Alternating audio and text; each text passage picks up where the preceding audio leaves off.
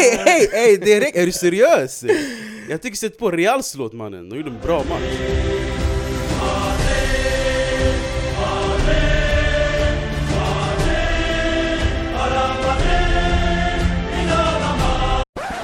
Ey, pass på den här matchen. Inter vann ju och Champions League-platsen lever fortfarande. Sätt på Inters låt bre. Intervens, intervens, nerazzurri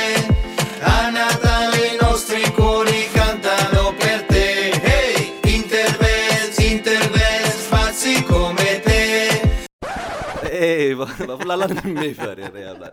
Sätt på Pazza Inter. Ja, den riktiga låten? Ja. Okej. Va bene, vinceremo insieme Amala Pazza Inter amala È una gioia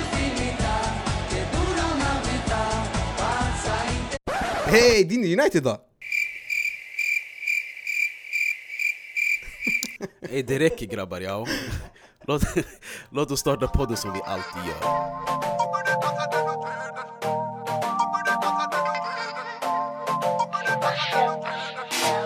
Hej och välkomna till avsnitt 25 av Avbytarbänken och idag är vi en full squad.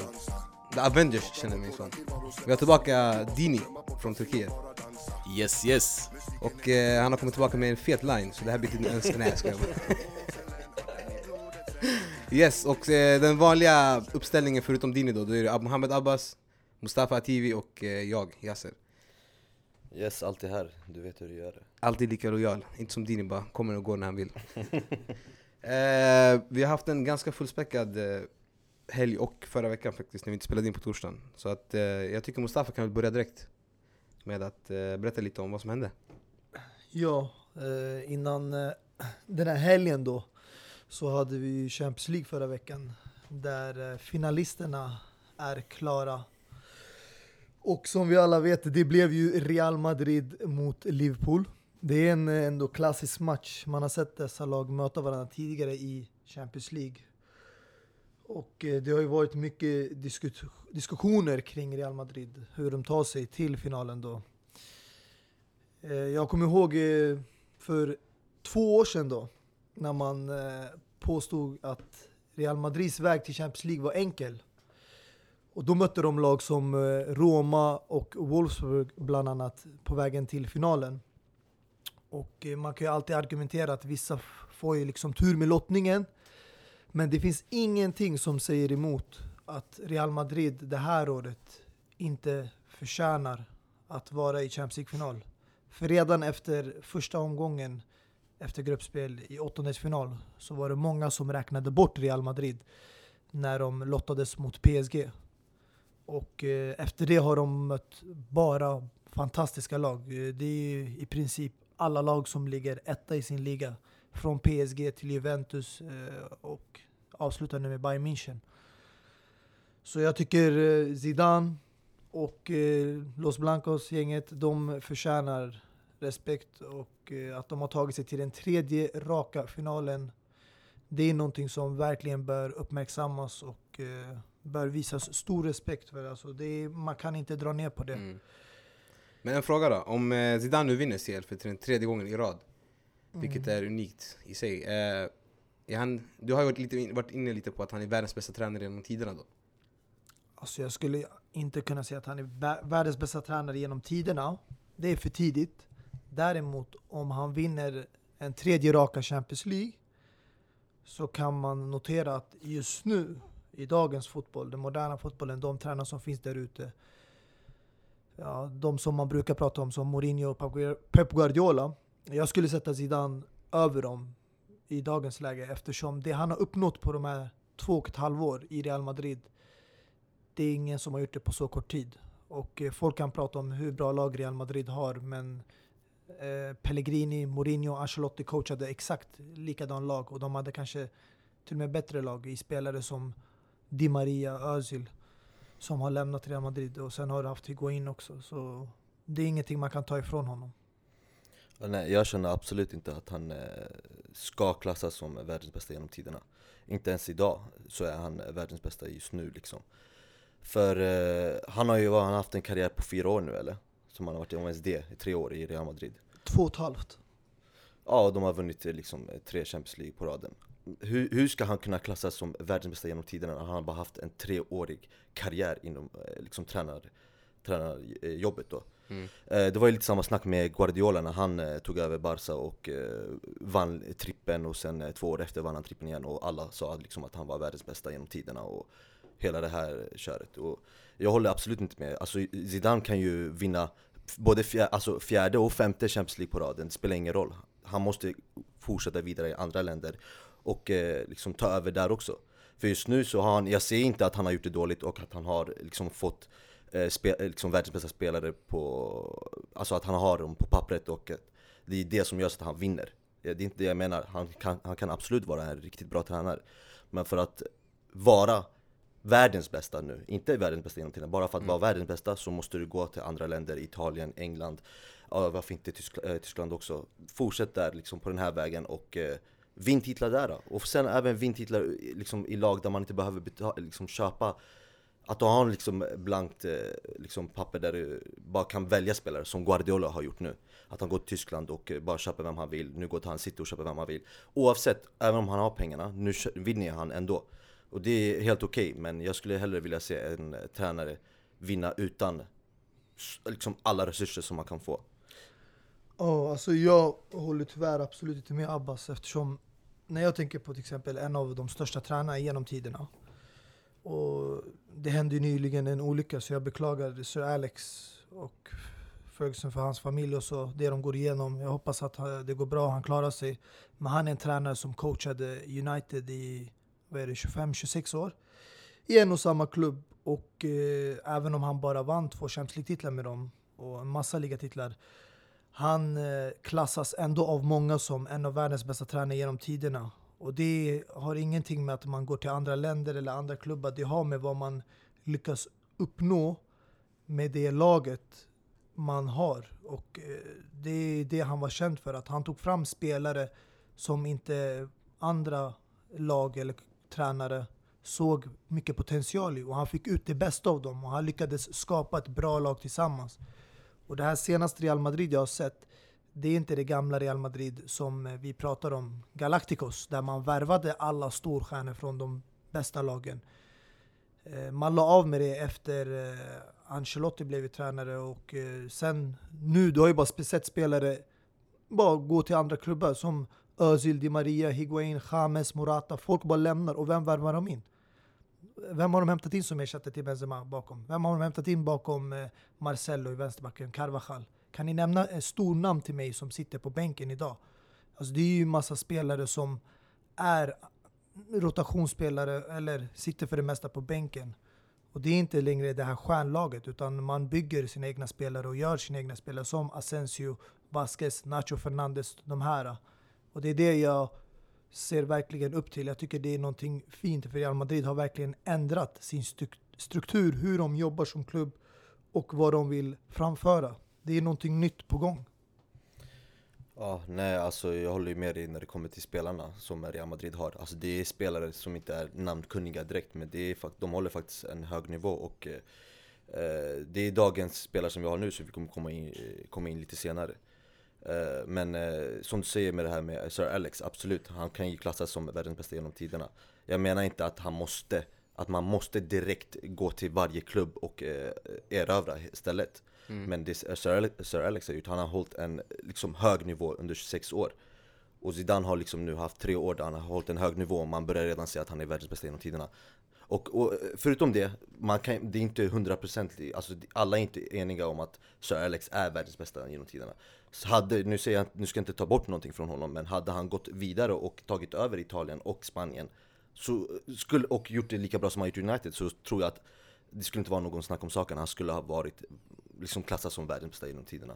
Lite, lite samma sak med Messi, för att må- många, inte kan, många låser sig på det här Ronaldo och Messi-snacket. Nu tar vi lite lugnt här. Nej men jag bara säger liksom, många låser upp sig på det här med Ronaldo och Messi-snacket, varför Ronaldo är bättre än Messi. Jo det är för att Ronaldo har spelat i Premier League och varit bäst där och nu är han i Spanien och har varit bäst där. Eh, till skillnad från Messi som bara har varit kvar i en och samma liga, förstår du? Det här snacket. Så, ja, det, Dini, en fråga bara. Eh, om man vinner tre Champions League i rad, men eh, inte gör lika bra i ligan och cupen. Mm. Är det någonting som överskuggar det? Hur menar du? Att, Att eh, Champions League är större än de båda? Alltså, vi har tidigare varit inne på att det är en stor skillnad på inhemska ligor och eh, ute i Europa. Eh, så jag tror Real Madrids lag är eh, vad ska man säga, formad för, att, för Champions League. För enstaka matcher, för borta och, och hemmamatcher. Så jag tror inte det är så... Eh, alltså det är inte så chockerande att det går bra för dem i Champions League eh, kontra ligan. Så det är... Ja. För Real Madrid är ju ett superkontrigt lag. Eh, så som har vunnit mot PSG, Bayern München, Juventus och så. Det räcker med en eller två matcher i överlag. Så jag tror nu i Champions League-finalen eh, Liverpool, jag tror det bästa motståndet för Liverpool är Real Madrid egentligen. För om det är en match man kan slå Real Madrid på, det är, det är nu alltså. För Real Madrid behöver alltid två matcher på sig för att vinna, eh, eller för att gå vidare i Champions League. Så jag tror Liverpool har stora chanser att eh, ta hem eh, titeln det här året. Ja, Eller? eh, det, det kommer bli en väldigt intressant final. För eh, som vi har pratat tidigare om, Liverpool som eh, ja, bland annat slog ut eh, Roma där i en liten halvt kontroversiell match eh, så har de alltid presterat bra mot topplag. Inte bara ute i Champions League men även i England, Premier League. De spelar alltid bättre mot topplagen än vad de gör mot bottenlagen. Och det är för att de har en viss spelstil som eh, passar in på lag som också jagar en match och vill vinna alltid. Så det blir enklare för dem att möta lag som Real Madrid, Eh, ja, Roma som också pressade, spelade offensiv och sen innan det när de mötte Man City som de både mötte eh, i Premier League och i Champions League. Så för deras del kan det vara en fördel men samtidigt, det jag kommer eh, räkna in som en stor faktor, det är erfarenheten. Och eh, dagens spelare i Liverpool, eh, och det är ju ganska nya spelare, det är ett nytt lag som Klopp har byggt upp. De har inte den erfarenheten som Real Madrid-spelarna har. Mm. Och jag kommer ihåg förra året, många argumenterade och trodde att Juventus skulle på något sätt lyckas vinna över Real Madrid för att de är så bra defensivt. Och fram till finalen tror jag att Juventus bara hade släppt in ett eller två mål under hela Champions League. Och så släppte man in hela fyra mål i en final. Så det är någonting som Real Madrid verkligen kan överraska och chockera oss. För de höjer verkligen sin standard. Och det är som Dini säger, det skiljer sig mycket mellan ligan och Champions League. Ligan, du måste ha en kontinuerlig nivå. Och du är alltid beroende av spelare som är skadade, som är avstängda. Så det är svårt att hålla. Jag tycker ligan i sig är ganska lite svårare än Champions League. För att Champions League kan man ha lite tur i utslagning och eh, man kan ha spelare skadade som men alltid lyckas ta sig igenom på något sätt. Så det är mindre faktorer som spelar roll. Men eh, alltså- samtidigt, Zidane har inte hunnit coacha. Han har bara coachat två hela säsonger i Real Madrid. Så att han har vunnit ligan en gång och en gång har han misslyckats med det. Så man kan inte säga att han inte gör det bra i ligan. För första gången han tog över Real Madrid var i januari. Och då var det Benitez som hade tränat Real Madrid fram tills dess. Och i stort sett eh, misslyckats. Så det var ju därför han fick sparken. Så man måste ändå ge honom en chans att visa sig några år. Mm. Och vi får se sen därifrån hur det Alltså går. det, är, det är intressant att du säger att eh, erfarenhet kommer spela en stor roll i finalen där Real Madrid, alltså all, i hela laget har minst två Champions League-titlar alltså. Även med Isco och Asensio. Det roliga är att Andrew Robertson, eh, vänsterbacken i Liverpool, eh, tweetade 2012, alltså jag citerar han. Life at this age is rubbish with no money. Hashtag need a job. Det här var 2012. Ja, jag såg det där. Och killen spelar Champions League-final idag och för några år sedan spelade han i Hull City Så det kan vända snabbt för vissa spelare Men jag tror sanningen, erfarenhet är en stor faktor som folk eh, förbiser Och eh, vi får väl se om hungern versus mättnaden eh, Vem som tar hem det Ja, det var ju världens största match eh, igår Enligt Yasir i alla fall Nej men det var, det var världens största match och eh, det bjuder alltid på sån här spänning och fest och röda kort framförallt Och massa du vet domslut som man eh, inte ja, höjer ögonbrynen på Men eh, rivaliteten, alltså vad tycker ni? Har den, har den förändrats? Har den blivit, eh, alltså har den, alltså har den tappat värde? Vad säger du Yasir? Jag skulle säga att eh, med tanke på så många spelare som har lämnat från båda sidorna, stora profiler och så vidare, skulle jag säga att den har tappat en del eh, värde i rivaliteten. Men för fansen kommer det alltid vara samma rivalitet Mm. mellan klubbarna.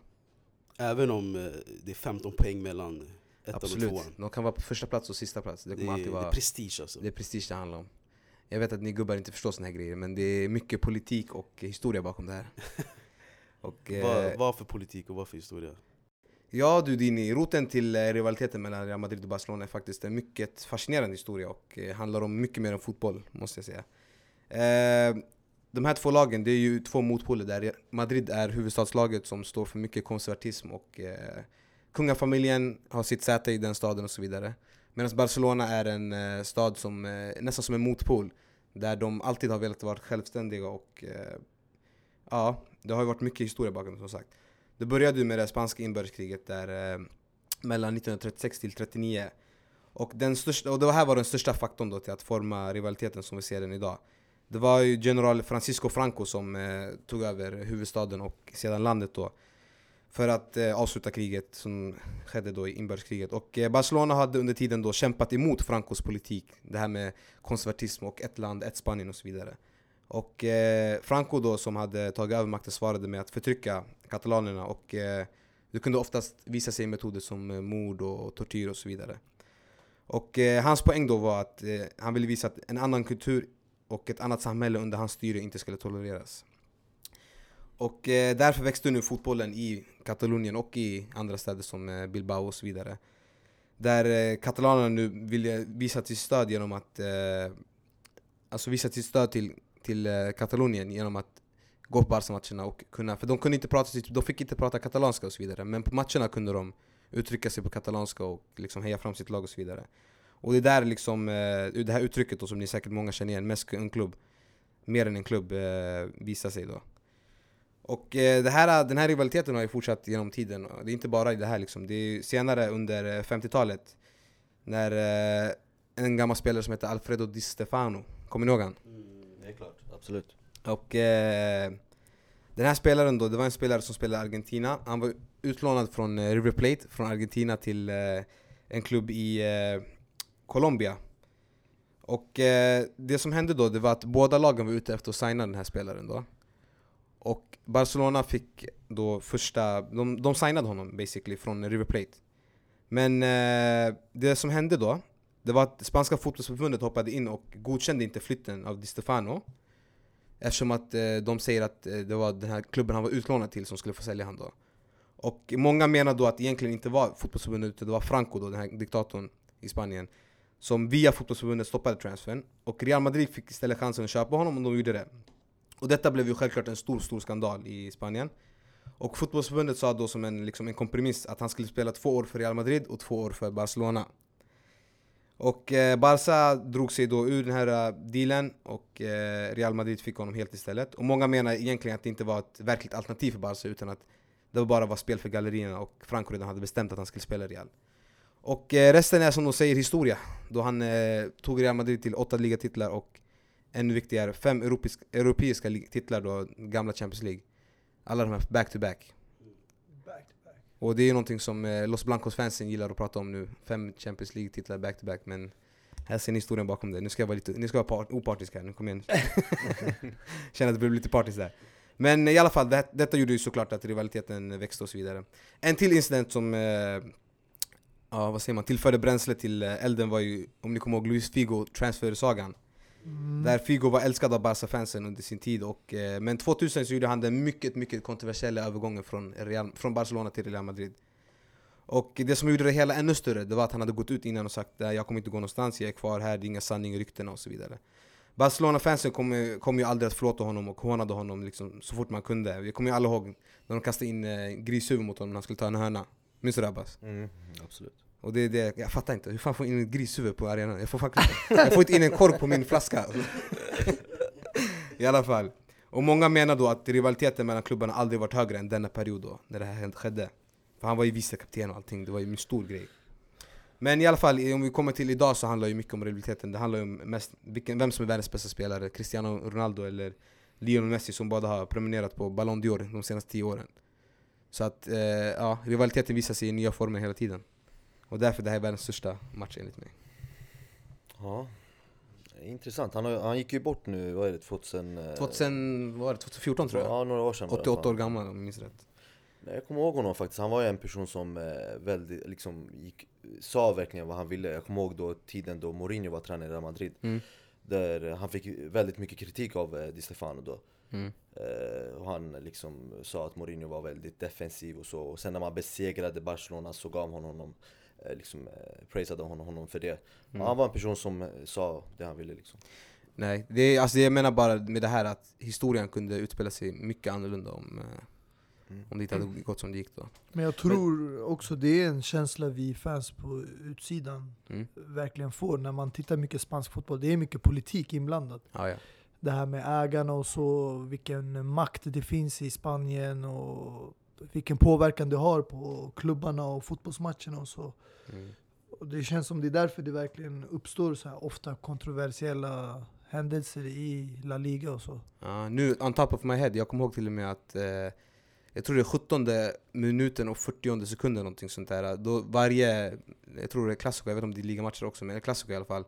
Så skriker, eller ropar Barca-fansen liksom independent, indep alltså frihet och, vad heter det på svenska? Independent? Eh, självständighet. Mm. Eftersom att eh, det var då på 1700-talet, just den, ja, 1740 någonstans där, som Spanien tog över Katalonien. Och eh, ja, man minns ju det tills idag. Men eh, Så det är ju väldigt mycket historia bakom det här. Får jag fråga dig en sak? Mm. Du vet att om Barcelona blir självständiga Mm. och de tillhör Katalonien, Mm.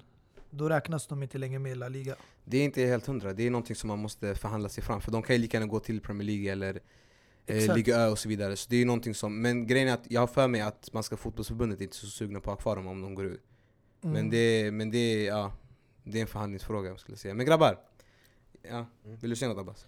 Ja, jag tänkte bara, alltså det här Stefano, eh, menar du då att eh, Real Madrid haft en sån, eh, alltså skillnaden var att de värvade Stefano och det, det var det som ändrade hela historien, gjorde Real Madrid så här liksom stora och Barcelona blev då lite underdogs, är det det du försöker säga? Ja du min broder, jag skulle säga att eh, Di Stefano som eh, gjorde 216 ligamål på 262 matcher för Real Madrid och gjorde mål i varenda av de här fem finalerna som eh, han tog dem till då. Att gjorde skillnad, det skulle jag säga att det gjorde. På den tiden var det ju, ja, han gav dem 50 i rad, back to back. Som Zidane är på väg att slå också här känns det som va? Men alltså idag då, eh, alltså jag, för, först och främst skitnice fakta jag ser, eh, Det känns som att jag fått mer grepp på den här rivaliteten mellan. Real och Barca nu. Men alltså idag, riv- rivaliteten idag då, alltså, alltså allt fler profiler försvinner och man värvar du vet spelare som Dembele, eh, Suarez som inte har koll du vet på vad det är att vara en Barca-spelare. Eller också Real Madrid som värvar alltså Cristiano Ronaldo och eh, de här prestigefulla spelarna. Alltså, hur tror ni idag att rivaliteten spelar någon stor roll? För det känns som att de kommer bort, ju längre, ju längre tid det går känns som att Mm. det här försummas. Mm. Så hur ser rivaliteten ut idag? Är det mest för att bara visa vem som är bäst Mm. och eh, bara vinna titlar? Eller finns fortfarande rivaliteten kvar så Alltså det den här ryggraden i, eh, i lagen finns ju kvar fortfarande tills idag. Och eh, det är självklart inte på samma sätt när det var Piolo och Raúl och du vet, så, de här grabbarna. Mm. Men eh, ja, Piol, eh, förlåt, Piqué idag och eh, Ramos som- eh, ja, en symbol för Real Madrid fast han kanske inte är från Madrid då. Mm. han kanske är det, jag vet inte. Nej, han kom ju från Sevilla 2005, men jag menar... Jag tänker Alltså- på alltså, om han är från staden Madrid. Nej, jag tror inte. Jag tror han är från Sevilla alltså. Ja, men i alla fall. Det, alltså, det kommer ju alltid vara rivalitet med de två lagen och det är ju alltså, utan tvekan för mig i alla fall Mm, världens största mm. match efter eh, VM-finalen då. Men eh, alltså mellan folket kommer det alltid vara upphypat och vara rivalitet och jag tror det speglar av sig till slut på spelarna men kanske inte på samma sätt när det inte är spelare som har någon koppling till regionerna Mm. skulle jag säga. Men eh, alltså, det, var ju, alltså, det är fortfarande lika hett idag. Det var ju val ganska nyligen i Barcelona där en majoritet ville ut från Spanien. Men eh, huvudstaden då skickade dit sina egna poliser. Eftersom att de inte liksom, litade på de katalanska poliserna. De skickade dit dem och slog ner liksom, valet och liksom, ja, Mm. Men gav det ingen legitimitet. Så jag det, jag, tror, jag skulle säga att det är lika hett idag som det var då. Det där på Dini sa med rivaliteter, jag tror ändå de här spelarna som värvas in känner ändå lite till grunden i historien. För när de hade Galacticos, Zidane, Beckham, Figo, Roberto Carlos, Michael Owen, eh, allihopa, hela gänget där. Mm. Man kände ändå rivaliteten mellan lagen när de möttes. Och likaså när eh, Barcelona hade spelare som eh, Gulli, Deco, Ronaldinho, Mm. Eto'o. De här är ju i grunden inte spanjorer men man känner ändå att de fick ju, de lär ju känna igen historien, samhället, klubben, hur den är uppbyggd. Och då känner man av den här eh, liksom rivaliteten och kontakten man har mellan eh, de här eh, två klubbarna. Mm, 100% det, är- det är klart kommer alltid vara realitet för alla spelare som spelar där Men jag menar bara att det är skillnad när det är eh, folk som liksom Piqué nu Som eh, när det var det här valet när de slog ner det, när de fick, Jag vet inte om ni minns när Barca fick spela inför tomma läktare Mm. Han gick ju ut och grät liksom och bara, du vet, han var helt... Ja. Så jag tror det, det är mycket, mycket som, eh, som vi kanske inte vet och vi inte tänker på Men det är mycket, mycket politik bakom allt det här Och det har ju till och med speglat sig på spanska landslaget om ni minns det Mm. När det var tjafsigt mellan, när det var som hetast mellan Barca och Real Ja, Det känns som att eh, men ja, fortsätt El Clasico och mötena mellan Real Madrid och Barcelona alltid eh, på något sätt smittar av sig i spanska landslaget men ändå har de lyckats vara framgångsrika. De har ju vunnit de senaste tio åren två EM-mästerskap och ett VM-mästerskap. Ja, Så exakt de de lyckas ändå ha på något sätt ett bra samarbete mellan varandra. ja, Och jag tror det är Vincente Del Bosque då som har eh, haft bra koll på de här grabbarna och plus eh, spelare som Xavi och Casillas som eh, båda liksom representerade sina camps och eh, gjorde det bra måste jag säga. Men grabbar, jag har lite frågor till er.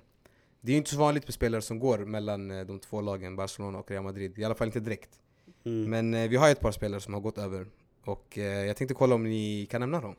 Hur många har vi? Jag har tagit fram en, två, sex stycken som jag tycker att ni borde veta i alla fall. Och det här är... Jag kan säga, för att det inte ska bli för svårt ska jag avslöja en av dem. Ja, men jag, jag, låt, låt oss säga dem. En, ja. en har du ju redan nämnt, det var ju Figo. Ja, där vi en den, den andra kan jag nämna. Kör. Saviola. Ja, jag, trodde, jag trodde han var den som ni skulle ha svårast med, men fortsätt. Alltså menar Den- du... Den tredje kan jag ju nämna, Ja. men det var inte värsta Ja. bytet sådär direkt men eh, det var ju via ett annat lag då. Tänker du på samma spelare som mig? Jag vet inte, nej, jag tänkte Ja. på pappa Eto'o alltså Ah, okej, okej. Var han med i din lista? Ja, Johan är med. Jag via tror Mallorca tänkte på Ronaldo. Exakt. Fenomenen. Men han gick inte. Inte direkt heller. Eh, Jag tycker, jag tycker han ska kallas för Il Fenomeno och inte Tjockis. Ronaldo. Alltså det är min grabb, så jag, jag kan ju säga, jag, jag har chillat med honom, Nej, jag vet inte om du minns det. Respektera namnet. Jag har chillat med Ronaldo så jag kan kalla Spelar honom ingen roll, nej. Ja, ja, ja, absolut. Fortsätt. Eh, vad har vi nämnt nu? Vi har nämnt fyra stycken va? Vi har nämnt fyra. Eh, Figo, Ronaldo, Saviola och Samuel Eto'o. Det är en till som är ganska självklar, men sen efter det så, ja, den, fem, den sjätte är kanske lite svår. För er i alla fall. Jag kan säga, jag kan ta den sjätte. Mikael Laudrup, Laudrup om ni kommer ihåg han. Ja, exakt. Dan, dan, dansken. Precis. Och eh, den sista då? Eh, anfallare, mittfältare, mittback. Vad är han? Mittfältare. Fan, kan du avslöja förnamnet då? Nah, om jag avslöjar förnamn vet du vem det är. Avslöja hans tröjnummer. Nej. Eh, nej jag vet inte, säg. Jag vet inte, om jag säger såhär Luis. Ja, Luis Enrique. Jajamensan. Självklart, självklart. Självklart va? Så självklart var det inte. Nej jo, jo, självklart. Det var jag glömt bort. Alltså, jag ser honom bara som en tränare. Jag glömde bort att han, att han har varit en spelare också. Ja. I alla fall, det, det var min piece om eh, El Clasico. Ja men det, alltså det är, alltså grejen är, igår till exempel såg vi ju typ, eh, alltså jag frågade rivaliteten och hit och dit Alltså typ Messis tackling mot eh, Ramos efter det här när Ramos eh, höll på att knuffa Suarez. Det var ju bara tydligt att Messi försökte visa Lyssna, du är i Camp Nou alltså, bete dig. Exakt. Så eh, alltså jag, jag ställde mig på och applåderade när Messi fick gult kort För jag vill se mer av sånt där, jag vill se mer du vet Fotboll, jag vill se mer att man kämpar för sitt lag och så, så jag, alltså, för Förr var det mycket sådär Mm, att man, exakt. att man, det var ju man, mycket, alltså det, vi minns ju, det var mycket hetare förut. Mm. Mycket, mycket hetare. Ja, alltså även, inte bara i klassiker utan även alla matcher, det var mycket hetare, det var mycket passion Så alltså, tycker ni fotbollen har blivit tråkigare eller tycker ni den har, eh, den har bara blivit liksom eh, roligare med, med Ronaldo och Messi som, som eh, bara överlägsna? Alltså jag tycker också tränare har en stor påverkan. De lägger verkligen till bränsle. Alltså jag kommer ihåg till exempel Mourinho. När han coachade Real Madrid. Då var spänningen på topp. Alltså det var Ja. alltid hektiska dueller. Det blev alltid tjafs. Och jag kommer ihåg till och med när Ramos sparkade ner Messi och sen sprang Piolo och Xavi fram till honom. Han knuffade bort den ena och skickade en lavett på den andra och gick ut direkt med ett rött kort. Och det var som att han eh, hade ingen respekt alls. Det hände ju, jag tror, jag vet inte om det var på Bernabéu eller Cam- Camp Nou. Mm. Men man märkte där var liksom... Det var mycket mer hysteriskt då. Jag tänkte när man eh, klippte, vet han, eh, Fabregas. Tror Marcelo till och med. Ja, det, det också. Och sen Ja, när det blev petningen. exakt, ja, ja. jag det, det, där lägger ju till på Tito Villanova. May in själva peace. duellerna. Det ökar ju, det ska man säga, eh, lågorna Ja. mellan klubbarna. Men jag tycker Zidane ändå har skött sig bra. Han låter spelarna göra det han vill. Han vet att det finns rivalitet. De måste ändå uttrycka sina känslor. Men han som Men tränare för, ja, är lugn på vid Men vad tycker du om det här med att de inte ställde upp med den här klassiska att man applåderar in mästarna? Ja, som Zidane sa, Tycker han Alltså- agerar liksom lugnt då på det sättet? Att han, Alltså, Och inte- jag tror inte Zidane gjorde det för att han liksom eh, har någonting emot Barcelona eller att han är du tror inte det? besviken att de vann ligan är oslagbara. Jag tror det har med att de inte fick den samma typ av respekt när de vann klubb-VM eller förra året i La Liga. Och han känner liksom, man behandlar andra som du själv vill bli behandlad. Och hade de gjort det för oss hade vi ställt upp för dem. Ja, jag förstår det. Men Dini, du menar alltså att den här eh, rivaliteten inte finns kvar? Nej alltså samma bara sätt, alltså, mellan allmänt, olika alltså lag. nu, alltså generellt fotbollen i sig 2018 och uh, säg 2000 Ja. Eh, Alltså jag känner du vet, för sporten var mer festlig Ja. Det var mer en eh, familjär sport och en, alltså fotbollen var kul att titta på Eh, Jag tänker på speciellt med reklamerna, kommer du ihåg Nike-reklamerna? Pepsi-reklamerna, Jogo Bonito-reklamerna alltså man, alltså man väntade på att ens, du vet när föräldrarna höll på att kolla på nyheter, att man väntade på att det skulle bli reklam så att man kunde se David Beckham och Kakao, de här som, som eh, gjorde reklam för Pepsi och så Eh, Men eh, idag är det inte så, idag är det bara du vet framtvingande reklam med Pogba och Özil liksom Mm. Eh, och eh, massa sociala medier där man ska följa spelare och, och, och spelarna är framtvingande och att lägga upp saker på Instagram för att eh, ens fans ska typ, eh, eller ens lag kräver det. Eh, och jag tycker också lagen var typ bättre på ett annat sätt. Alltså, la, alltså, det finns skillnad, för idag är lagen också bra, men förut var lagen bättre på ett annat sätt. Typ, säg Deportivo La Coruña som gjorde det skitbra år 2004 i Champions League. De kom till semifinal, men tyvärr så eh, förlorade de mot Porto 1-0. Men de slog ut lag som Juventus och Milan. Och vilka spelare hade de? Alltså de hade Diego Tristan, och han är kanske känd och så, med Fran. Walter Pan, Pandian, Pandiaini. Jag kan inte uttala hans Du namn. bara, du ser. du bara Ini va? Dini. Lionel Scaloni. Förstår du? Det är sån här Ja. spelare som kom till semifinal förr i tiden. Mm. Men idag, alltså alla besitter med stjärnspelare som jag nämnt tidigare. West Bromwich som håller på att gå ner eh, i, i Premier League har en landslagsspelare i, J, i Jake Livermore som startar i England. Förstår du vad jag menar? Även typ eh, Wolverhampton som har kommit upp i Championship har Ruben Neva som en stor talang i Portugal som har spelat i landslaget och som spelar i Championship.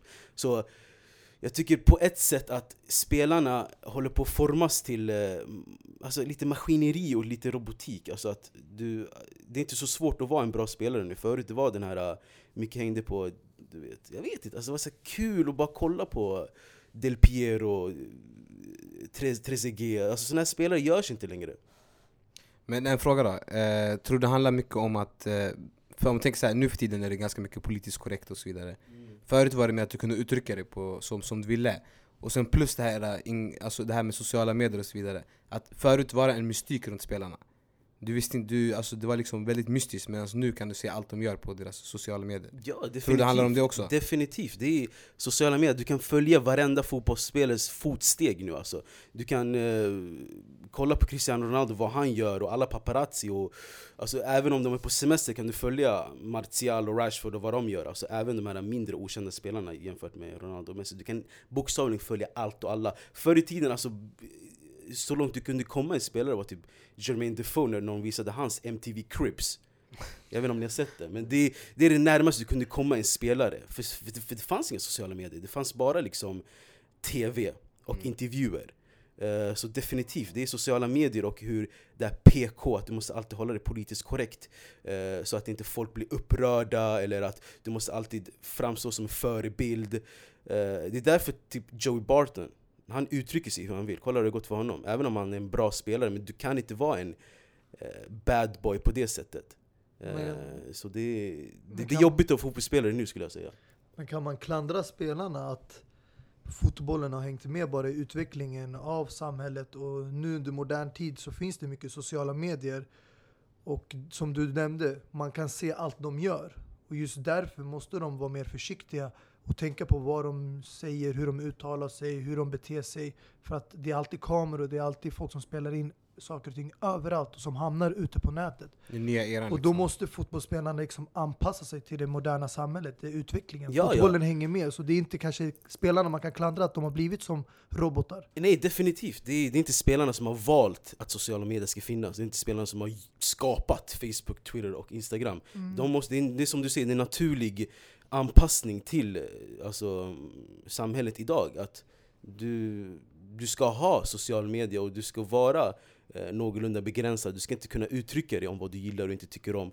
Eh, Så fort Isco satt i ett matbord där det fanns någon, jag tror Barca-tröja eller något sånt där i, på, på bordet så gick det viral. Åh, Isco ska lämna, Isco där, Isco hatar Real Madrid. Han var ju tvungen att komma ut och säga Lyssna, vi ska käka Barca levande. Jag, jag är Halla Madrid. Eller när Balotelli spelade, tror i City, han hade gått från Inter till City, sen man fångade en gammal bild när han hade Milan-tröja. Ja exakt, exakt. Samma sak eh, Milans, eh, vad heter han, Ro, Ro, Romanogli Ja, han kom ju från eh, Roma, eller hur? Och han hade på sig en Lazio-tröja. Så alltså, sån här grejer, alltså, så fort man tar fast det, det är kört alltså. Det är kört. Även Gerard som har på sig en Everton-tröja Eller eh, Riyad Mahrez som har på sig en Barca-tröja Det skapar rykten och hela tiden. Så det är Jag vet inte, det var Mystiken är helt borta Vi har ju snackat mycket Abbas om eh, det här med spelare och lag och så vidare. Men hur tycker du spelet har ändrats från eh, då och nu? Eh, ja, spelet har blivit mycket mer taktiskt och eh, det är så faktiskt lite, alltså i alla ligorna just nu, att man tar det säkra före det osäkra. Så där var det inte förut. Eh, då. Och jag, jag tror också det faller på spelarmaterialet man har idag. Jag menar, spelarna idag är individuellt inte lika bra, eller ja exakt så som de var för, förut. Förut så hade man eh, alltså väldigt bra spelare i nästan varje position i varje lag.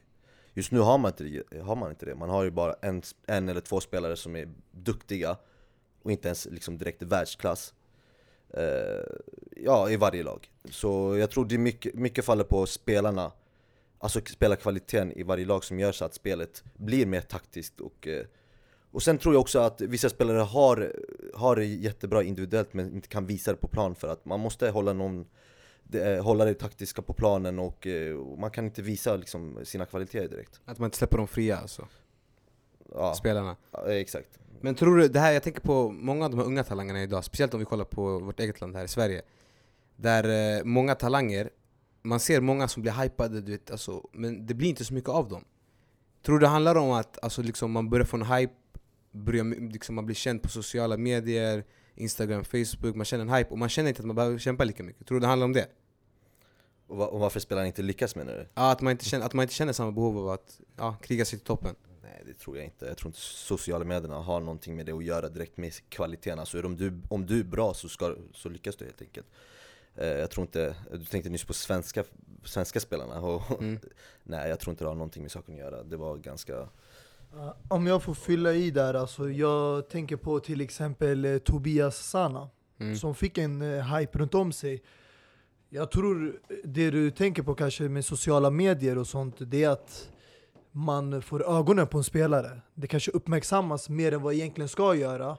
Och det gjorde inte det för kanske 10-20 år sedan. Då hörde man inte de här talangerna för att det fanns inte Mm. eh, det här nätverket vi har idag. Ja. Så man fick bara höra om dem när de kom upp till ett storlag, topplag, eller Precis. gjorde A-lag, A-landslagsdebut för landslaget och fick göra en fantastisk match. Och det var då man fångade ögonen. Men nu, Ja. redan man har liksom satt foten i A-laget, Ja. till exempel nu, jag pratar om eh, Barcelona, Real Madrid, jag och Dini brukar diskutera United och Chelseas akademi. Man pratar om spelare som spelar i ungdomsakademin, men Ja. har aldrig gjort A-lagsdebut för varken klubblag eller landslag. Precis. Men tror inte du att eh, många spelare som får den här hypen, du tror inte det dödar deras, liksom, lite, deras driv lite? Att de känner att jag är redan klar? Alltså det jag tror är att när de får höra och läsa om sig artiklar, Ja. det kan göra att det sätter högre press på dem. Okej. För då vet de, okej nu har folk hört om mig. Till exempel nu, bara Mm. igår, kom det ut en artikel om en Chelsea-spelare, Callum Hudson-Odoi. Han Alltså, är nu efter traktad av lag som Real Madrid, Barcelona och Man City. Ja. Men den här killen har knappt spelat i A-laget. Han har inte ens visat framfötterna på toppnivån. Och det här sätter nu press, mer press på honom för att kunna lyckas och komma in. Och det är därför jag gillade den gammalmodiga klassiska fotbollen där man fick bara se spelare som liksom, Rooney komma fram i United och visa framfötterna där i United. Och det var då man visste om honom. Inte genom massa media och sånt, att man fick höra innan han var i Everton och vilken talang han var.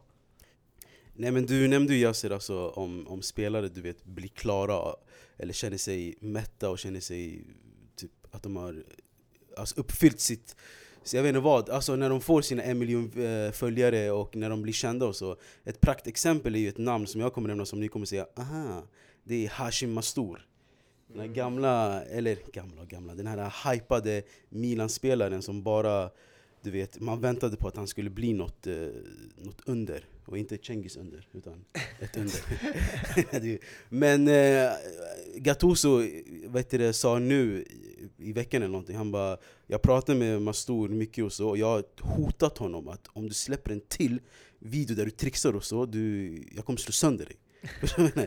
Så eh, jag tror Gattuso vill sätta stopp för den här uh, hypen och så, och han, och han vill liksom säga att det finns bra spelare och så, och Mastor är en bra spelare eh, Men att man ska dra ner på hypen och låta spelarna utvecklas i lugn och ro Men jag har en fråga till er. Det här med teknologin och sånt som vi använder idag. Om vi jämför det med förut då. Har det här gjort fotbollen mindre tråkigt? Eller var det mer attraktivt förut? Även om man hade spelpassionerade spelare som spelade och även om domare kunde göra misstag och sånt. Har det förstört fotbollen eller har det gjort fotbollen bättre idag? Uh, det har gjort det mer rättvis men jag tror inte det har någonting med spelarna att göra direkt sådär I och med att vi pratar just om uh, spelarmaterialet just nu så tror jag att det är mycket, mycket annat som uh, gör så att spelarna har blivit ja, sämre så att säga. För, Och vi pratar om sociala medier, jag tror att det har förstört en väldigt, väldigt stor liksom, del av spelarnas kvalitet. För om vi tar liksom, eh, spelarna förut, jag menar kan vi, vi, ta, vi kan ta Ronaldo-Fenomeno. han, eh, han kunde ju göra en riktigt bra match eh, Och spela riktigt bra och sen dagen efter gå ut och festa och ha det bra och sen komma tillbaka och göra en bra match. Det här var, det är inte bara Ronaldo utan det är många spelare som var riktigt duktiga och var, var liksom på den nivån som, gjorde som hade det här livet. Att man går ut och festar eller tar det lugnt och kan göra vad man vill liksom. Utan att man har paparazzi bakom sig eh, hela tiden och man måste liksom tänka på vad, vad det är man gör. Och klubben, eh, även förutom sociala medierna så var klubban, eh, liksom, klubbarna även liksom inne på det och lät spelarna göra detta.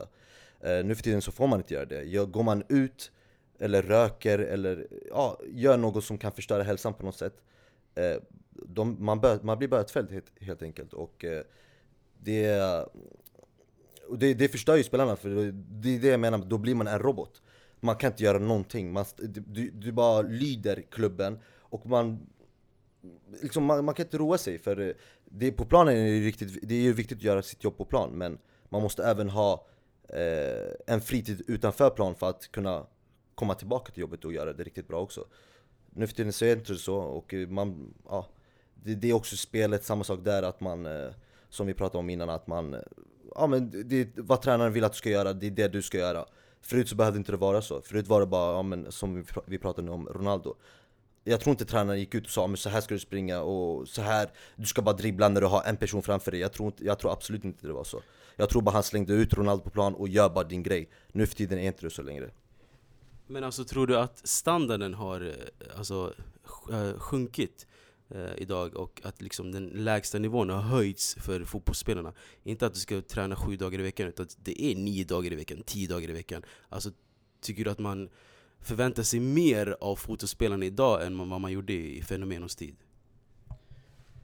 Eh, ja det tycker jag faktiskt eh, För eh, det är som du säger, man tränar ju ännu mer och man kör mer eh, liksom, tränaren går in i det här med taktiska, men jag tror faktiskt att det är tränarens Ja men det är tränarens eh, liksom, fel att spelarna inte kan eh, liksom visa sina kvaliteter. För han vill ju spela sitt sätt eh, på planen och eh, det är därför, det är det jag menar, därför har liksom, spelarna blivit robotar helt enkelt. För du lyder bara spelarna idag, eller tränaren. Eh, Undantaget idag, det är bara Messi och Ronaldo som kan göra vad de vill.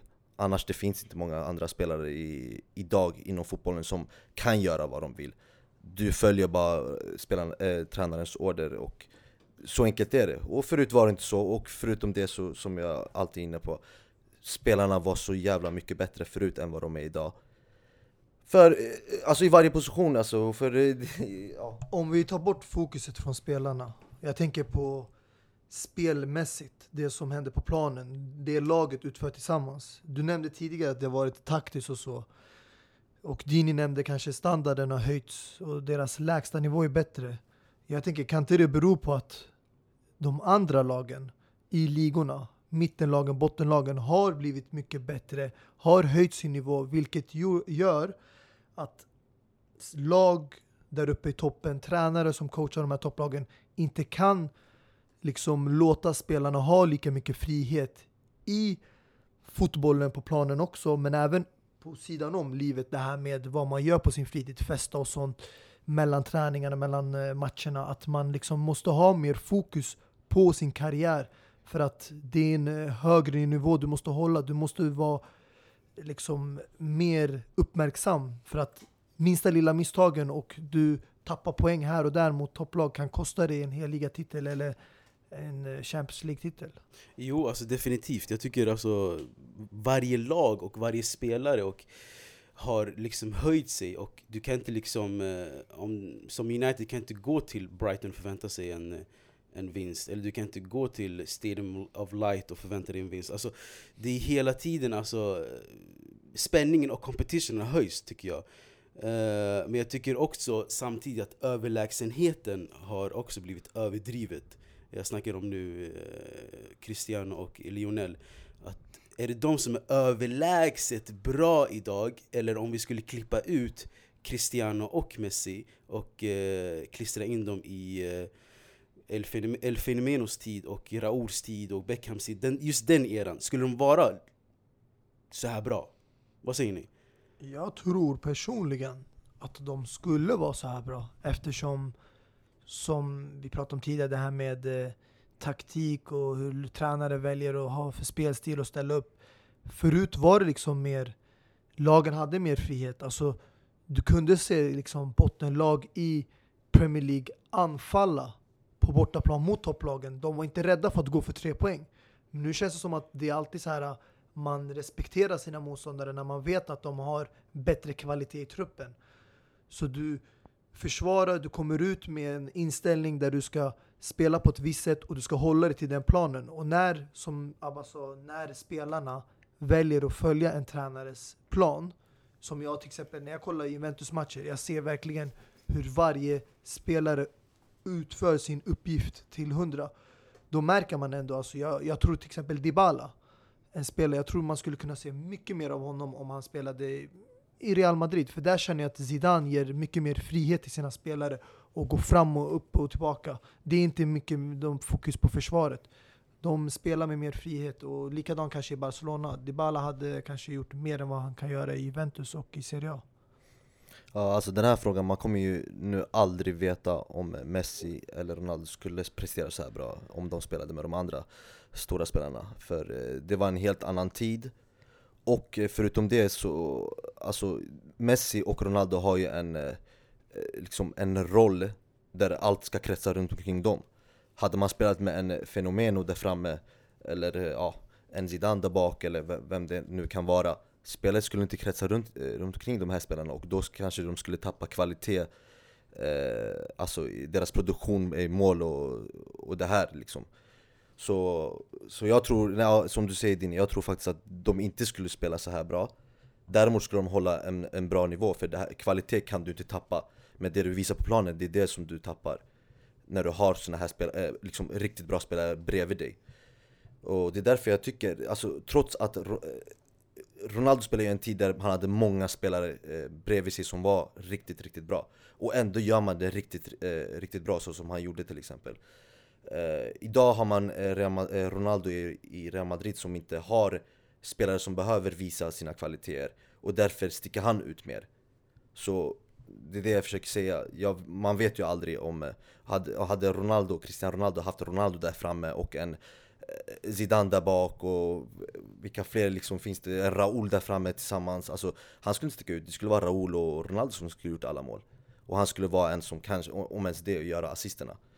Så ja, det, det här är bara ett bevis på att fotbollen har Alltså spelar, ma- spelarmaterialet och kvaliteten förut var mycket, mycket bättre än vad den är idag Om vi återkommer till eh, vårt vanliga återkommande segment, Helgens lirare. Och eh, kolla vilka vi har valt där. Mustafa, du kan väl börja? Absolut. Ehm, Jag eh, har eh, hittat en spelare här från den franska ligan. Ligue 1. Inte Ligue 2, Nej, Ligue då går vi ju ner en division. Men min spelare han kommer ju såklart från en klubb som har blivit bra de senaste åren på att producera talanger. Spelare som Carrasco, Mbappé, Thomas Lemar, Bakayoko, Mendy. Sådana spelare har vi sett bara komma därifrån och det är i Monaco såklart. Eh, En spelare som eh, nu har bara lyckats faktiskt göra sin tredje match i Monaco-tröjan. Offensiv mittfältare, spelade falsk nia, falsk nia nu i helgen i Falcaos frånvaro och stod för två mål. Musa Silla som är född 1999. Det här är en talang grabbar, jag säger ni måste hålla ögonen öppna för den här spelaren kommer vara nog i ett eller två år till i Monaco och sen blir han köpt. Och eh, hamnar i en av storklubbar som eh, resterande gänget har gjort genom åren. Så det här är en spelare värt att nämna. Och eh, håll öronen öppna. Och ögonen. Ja, självklart. Eh, jag tror jag stannar kvar vid de färgerna i alla fall. Eh, röd och vit, eller hur? Eh, Monaco har ju röd och vitt på sig. Jag tror jag stannar kvar vid de färgerna, men inte i samma land. Jag går till Eredivisie i Holland. Får jag gissa? PSV? Ja, det andra laget som har rött och vitt. Ajax? Nej, abo, det är många som har röd och vitt när jag säger det. Feyenoord? Ah, Nej, inte de heller! AZ Alkmaar. Ja, Fan vad många röd och vitt det finns nu när det du sa känns det som att alltså. Holland, det, hela, det är bara rött och vitt där. Mm, det borde vara lite mer orange eller blått. Och så, jag tänker på det. Men skitsamma. Eh, den jag tänker på är ju inte holländsk, men han spelar i AZ Alkmaar. Har spelat där sedan 2015. Eh, jag tror det här är nog den det första gången vi kommer nämna hans namn och jag tror den sista, sista gången också. För, jag vet inte. Han heter Ali Reza Jahan Bakaksh. Eh, ni får väl eh, ursäkta uttalet, alla mina persiska lyssnare.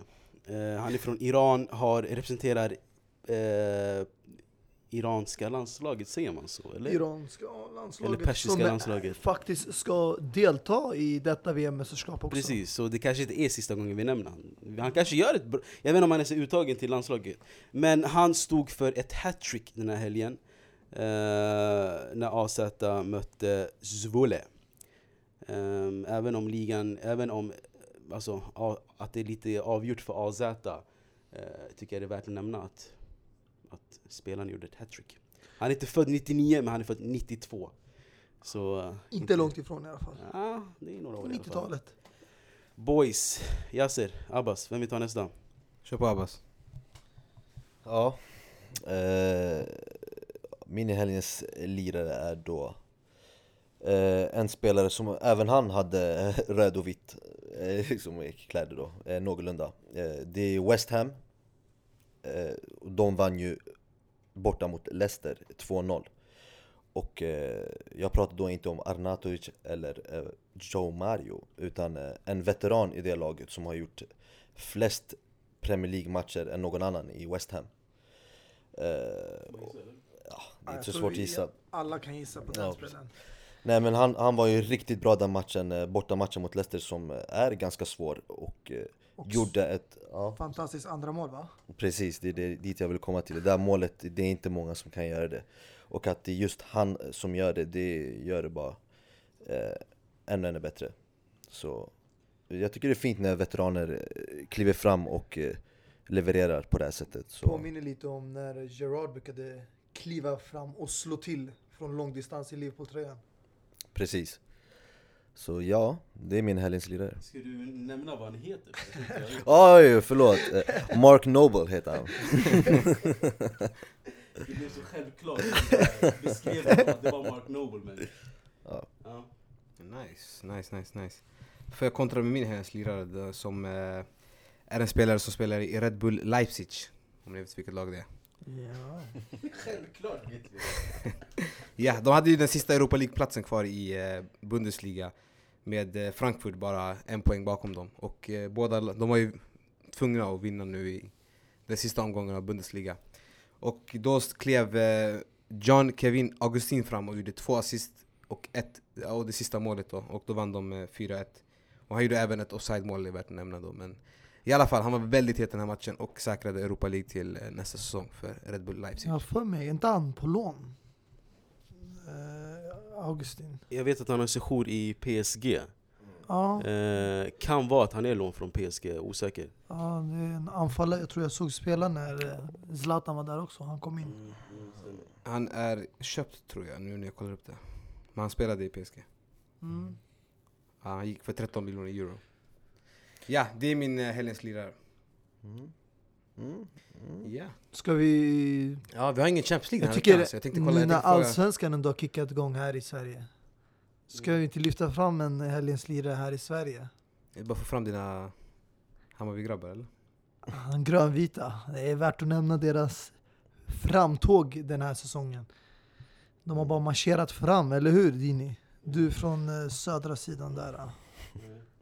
Nej men det har de verkligen också, och eh, jag tycker det är roligt när de här stora lagen eh, håller sig där vid toppen, för Hammarby har varit borta ett bra tag och eh, Mm. lag som Hammarby, Djurgården, AIK, Malmö FF, ja de här lagen ska hålla sig där uppe och det är roligt att se att Bayern nu är där uppe och Och Gnaget fortsatt obesegrade. Ja. Likaså är Hammarby. Jajamensan, därför, de, då- därför de är ett och tvåa. Men Hammarby är ju en mindre spelad också. precis, precis. Eh, Jag tänkte, jag tänkte ju mest på Padiba där, ah, som stod för ett fint hattrick. Ja. Eh, ja. Det, vad ser vi fram emot i veckan? Finns det något som händer? Mustafa, du sa att det var lite Champions League i veckan va? Nej, det är ju massa ligamatcher. Och Eh, det förlåt, är ju inte Champions League, menar fortfarande, Premier League menar jag. Ja. Vilka ligor här? Det är fortfarande en hård kamp om Champions League-platserna. I Spanien verkar allting avgjort, men eh, i Premier League, Serie A, Coppa Eh. Italia-finalen mellan Juventus och Milan. när spelas den? Nu i veckan. Den eh, 9 maj, onsdag. Ska bli intressant att se, även om man har en liten känsla om vem som är favoriter och kommer lämna planen med en guldmedalj. Mm. Och även de här sista platserna för Champions League tar ju racet igång för både Chelsea och Inter Boys. Är ni, är ni, är ni nervösa? Eller vad känner ni? Där eh, Lazio kryssade helgen, kan man tillägga. Ja, exakt. Så Så det, allt är ju Inters händer nu. det, det lever ju. Det är väldigt, väldigt jobbigt, speciellt mot Lazio för eh, 2002 så var det sista matchen, en final mot Lazio, just Lazio Och eh, Ronaldo spelade ju i, i Inter då och eh, det enda man behövde göra är att vinna den matchen Och då har man scudetton Men ja, Inter förlorade ju och eh, det, Hur, hur ser spelschemat ut för båda lagen? Inter möter Sassuolo säger jag här och, Sassuolo och Lazio Cro- Lazio. Crotone. precis, innan man möts i finalen då, om båda Om inte inte torskar mot Sassuolo då. Ja, skulle inte förvåna mig Ja. Ja, för eh, Chelseas del så ligger det inte i våra händer. Utan eh, Det ligger i Guds händer. för om man kollar tillbaka, spolar tillbaka tiden en månad så var det nästan till omöjligt för Chelsea att kvalificera sig till Champions League. Eh, Man har gjort en eh, dålig säsong helt enkelt. Man kan skylla på tränarna, spelarna, styrelsen, det spelar ingen roll. Det känns skönt att vi närmar oss slutet och jag tycker att man håller på att avsluta på ett väldigt fint sätt med tanke på gårdagens seger mot Liverpool. Så nu får vi bara hoppas på att eh, en av eh, de andra topp fyra lagen tappar poäng. Så att eh, hoppet lever fortfarande, men man får ju hoppas på ödet. Ja, med det sagt då, ska vi eh, avsluta den här måndagsavsnittet? Jajamensan. Jag kan måste tänka säga- mig, nu medan jag pratar så hörs låten i bakgrunden. Jo det gör den faktiskt, jag vet inte hur du hörde det. Du Jag bara gissar mig eh, fram. Ja. att vi dansar oss Vi dansar ut oss. härifrån studion? yes, våran outro-låt. Eh, Exakt. Skönt att ha dig tillbaka Dini och Thank you, thank vi hörs väl på torsdag. Det gör vi. Bor igen så normal, vi fortsätter dansa. Barn börjar dansa innan första vokalen, yeah. Innan go-go gaga. Och vi fortsätter tills Aina tar över haket, yeah. Tills kissarna gör razzia. Svart klubb, det massa rök i lokalen, yeah. Fine grades alla Alla dricker som Valhalla, mjöd i glasen, yeah. Plus rom och vodka, uh. Trumman är farligt galet, kombinationer av toner som gör det magiskt. Inte misslyckat uppdrag men vi rör oss tillbaks. Sen Labba babba karnevalen tar över stan.